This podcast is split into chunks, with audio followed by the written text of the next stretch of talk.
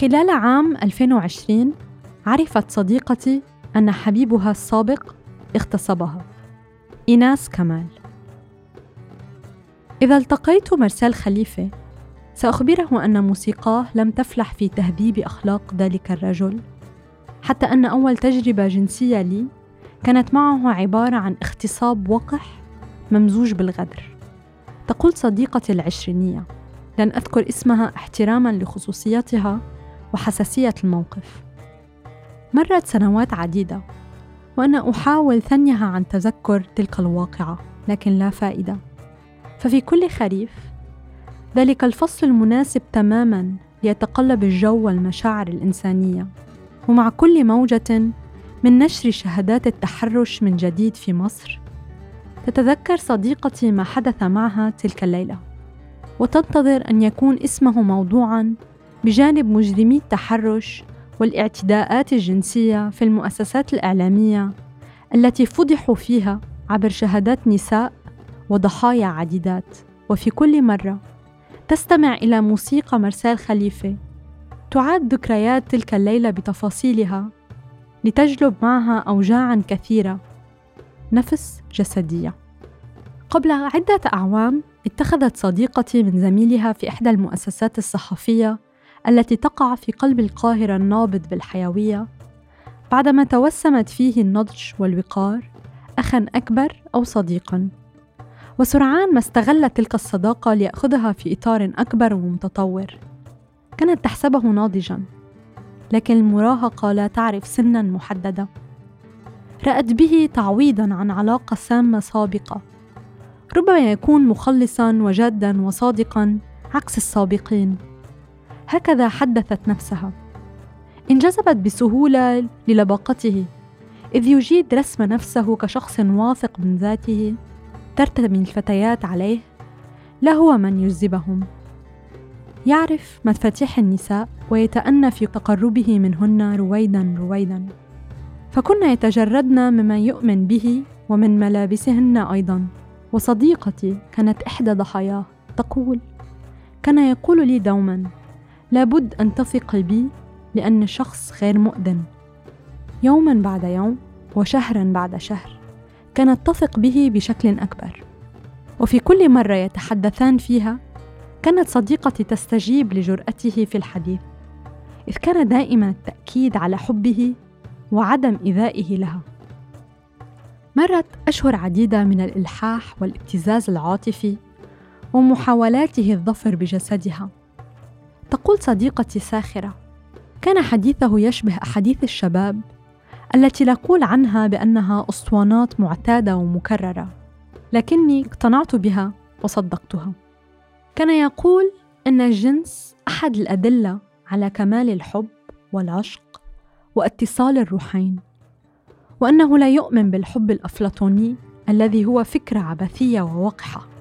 هكذا حاول إقناعها مرارا ولقلة خبرتها في أساليب الرجال ولثقتها الشديدة به إذ لم تسمع عنه خبرا واحدا سيئا من قبل وافقت صديقتي تحت ابتزازه العاطفي على تجربة جنسية معه آملة في زواج قريب منه حينما يلمس شغفها الحقيقي ناحيته ويتأكد من صدق مشاعرها وثقتها العمياء به. قبل اللقاء الأول أكدت عليه شرطها. أنت أول رجل يلمسني أنا عذراء وأريد أن أبقى كذلك. لن تمس نصفي السفلي. كان يردد جملا وتعابير عدة وكانت كلمة الثقة بطلا اساسيا في حديثه. يدفعها للاجابه عن جميعها بنعم أثق بك. لترتاح من هذا الإلحاح الجنسي باعتبار أن التجربه الجنسيه معه باب سيفتح لها الدنيا على مصراعيها. كأنه يقدم معروفا لها. حينما يقترب منها لكن خوفها جعلها تضع ذلك الشرط الذي وافق عليه فقط قبلات وعناق. لترضي خياله الجنسي وتسمح بمساحة داخلها من عدم الثقة من جديته في الزواج بها. لكنها لم تدرك آنذاك أنها ضحية علاقة سامة يتم التلاعب بها داخلها وإذ همت بالخروج تدخلها مرة أخرى. اختارت ما يحب سماعه من موسيقى. كانت تعرف أنه يحب زياد الرحباني ومرسال خليفة. أشعلت إضاءة خافتة ونثرت الورود استقبالا له. تعطرت وتزينت جيدا. كما لو أنها عروس ترتدي الأبيض وحينما التقيا أدارت قائمة قصيرة موسيقاها المحببة. بعد عناق دافئ وقبلة حارة قبل إلقاء السلام وكساد مخضرم طلب منها أن تنزع عنه حذاءه. ثم استلقى بجانبها على السرير. تبادلا القبلات التي أشعرتها بالأمان. كانت أول مرة تتذوق شفتي رجل وتدع أحدهم يرى جسدها ويلمسه عن قرب. كانت قبلة بطعم التبغ. وخلالها كانت تقلد الأفلام والمسلسلات في ممارسة التقبيل والاحتضان بميكانيكية تجهزت لها لترديه. وهو ما يفعله الطرف الجاني في العلاقة المؤذية. إذ يجعل ضحيته تفعل ذلك تحت إلحاح وضغط وابتزاز نفسي وعصبي كالتهديد بالخصام أو البعد أو إنهاء العلاقة أو بأفعال مؤذية نفسية وجسدية أخرى إلى أن تقبل ما يرغب به. أحمر فوق الخنادق أخضر فوق الصنوبر أزرق فوق الزمان. عند تلك الجملة بدأ يتحسس جسدها. وفجأة ومن دون مقدمات وأثناء لحظة صمت تخللتها مقطوعة الذكريات لمارسيل خليفة. وتماما عند النقطة الذي يشتد فيها صوت الناي الذي تحول من مصدر بهجة بالمقطوعة إلى حزن. قرر حبيبها أن يباعد بين ساقيها ويضع إصبعه بين فخذيها. صرخت متفاجئة كأنها تصرخ لأول وآخر مرة. وتدفق الدم إلى عروق وجهها. ولصدفة كونية أو إلكترونية لا تعلم بالضبط انقطع شحن الكمبيوتر فتوقفت الموسيقى وقامت صديقتي غير مدركة لما يحدث. قامت إلى الحمام متوجعة تغتسل لتفاجأ بعد دقائق أنه ارتدى ملابسه وهم بالخروج معتذرا ومتحججا لحاجته إلى الراحة. عادت إلى سريرها لتجد خيطا ورديا على طرف الملاءة وبمنتصفها وبنهاية الغطاء وقد شكت أن يكون ذلك الخيط ناتجا عن الجرح بين رجليها.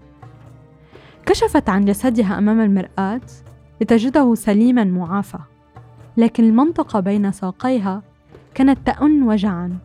جلبت منديلا وضعته بها ورفعته إلى ناظريها لتجد بقايا من خط الدم الوردي اللزج موجودا رغم استحمامها. لم نكن نعلم لا أنا ولا هي ولا المعالجة النفسية التي لجأت إليها آنذاك. أن ما حدث معها كان اغتصابا بل ظنناه جميعا أنها علاقة سامة تضمنت غدرا وقحا للثقة التي منحته إياها. إذ التقت بمحض إرادتها رجلا ظنت أنه ناضج ومصدر للأمان يتمتع بحب الجميع وثقة المحيطين به. لكن في العام 2020 تأكدت أن ما حدث تلك الليلة كان اغتصابا دفعت إليه دفعا. إنه نوع من الاغتصاب سيصعب علينا في مصر وخارجها التحدث عنه إلا وهو اغتصاب الشريك.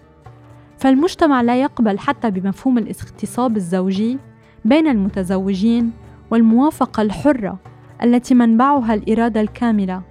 بالتالي لن يقبل بمفهوم الاغتصاب نتيجة الضغط والابتزاز وعلاقة لم تتم بتوافق كامل. وطوال هذه السنوات كانت تلك الذكرى الأكثر حضورا بكوابيسها تتكرر بنفس الألم الجسدي والنفسي. ومع كل قصة اغتصاب تسمع عنها أو تقرأها ينقبض قلبها ويقشعر بدنها خاصة حينما ترى حبيبها السابق مثارا لإعجاب الناس يباشر حياته بأربحية بخلاف تلقيها للعلاج النفسي على مدار سنوات. من الظلم أن أتعذب طوال تلك السنوات وبداخلي نار تستطيع حرق مدينة بأكملها بينما هو يكمل عبثه ولهوه وحياته تسير بطبيعية. تقول وهي تختنق أثناء الحديث عنه وتبكي في كل مرة لا إراديا حينما تستمع إلى موسيقى مرسال خليفة التي لم تفلح في تهذيب أخلاق ذلك المغتصب